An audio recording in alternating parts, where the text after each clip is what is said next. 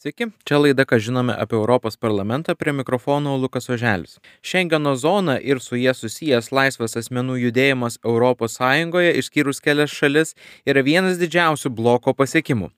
Vis dėlto pastarųjų metų krizės, pasak europarlamentaro Juozo Oleko, privertė ES peržiūrėti Šengeno kodeksą. Nu, tai be abejo, kad čia mes turim keletą tokių krizių, kurios gena žmonės iš savo kraštų, tai karai, sveikatos pandemijos, kurios buvo ir klimato kaita, kuri taip pat e, tiesiog išvaro žmonės į savo gyvenamųjų vietų, nes žmonės tiesiog e, dėl vandens, dėl maisto trūkumo negali tose teritorijose gyventi. Dėl to ES e, institucijos nusprendė, kad reikia iš tikrųjų peržiūrėti šitą teisės aktą, kad galėtume pristaikyti prie dabartinių sąlygų ir e, apsaugant savo sieną sudaryti ir tiem migrantam, kurie plūsta iš tų tokių karštų žydinių, e, kad jie gautų tokias žmogiškas sąlygas įsikūrimo ir prisiglaudimo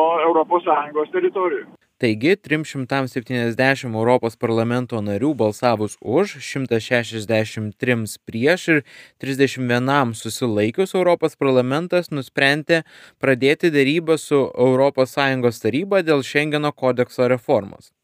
Tiesa, didžioji dalis Lietuvos atstovų Europos parlamente balsavo prieš. To priežastis, kaip teigia Juozas Olekas, yra instrumentalizuotos migracijos apibrėžimo neįtraukimas. Lietuva turėjo dar vieną e, prašymą, kad šitam dokumente išliktų ir institucionalizuotos e, migracijos apibrėžimas. Tai yra, kada migrantais bandoma pasinaudoti e, kaip tokiu tam tikrą prasme ginklu, ką darė Lukašenkos režimas tiesiog rinkdamas žmonės iš tuos vargingų kraštų. Tai šito dalyko e, dokumente nebeliko ir už tai mes e, išreiškėm tokią savo poziciją, kad e, reikėtų, kad jisai būtų įtrauktas.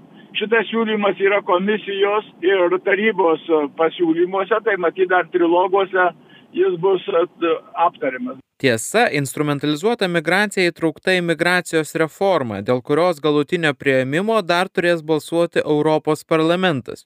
Visgi Juozas Olekas argumentuoja, jog negalime būti užtikrinti, kad migracijos reformoje Lietuvai reikšmingai aspektai išliks, tad norėtų juos įtraukti ir į Šengeno kodeksą. Nu, mes nežinom, kas bus, mes žinom, kad dabar jo nėra ir turėjom gerą progą jį čia įdėti. Tik man atrodo, sakau, dėl, dėl na, tokio, sakyčiau, pramiegojimo.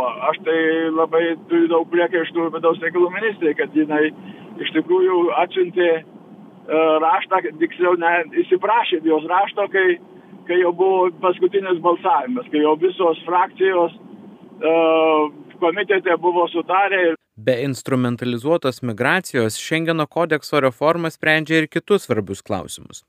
Tyrimai atskleidė, jog dalis šalių narių ne visada suteikia pakankamai įrodymų, kad vidinių sienų kontrolė buvo proporcinga ir būtina priemonė. Todėl siekiama aiškiau apibriežti taisyklės, kada ir kaip ES šalis gali gražinti vidinę sienų kontrolę. COVID-19 pandemija parodė, jog ES neturėjo iš anksto sutarto ir oficialaus institucinio atsako į sveikatos krizę. Todėl Šengeno kodekso reformoje numatoma galimybė įvesti vidaus sienų kontrolę šalise esant dideliai sveikatos kriziai.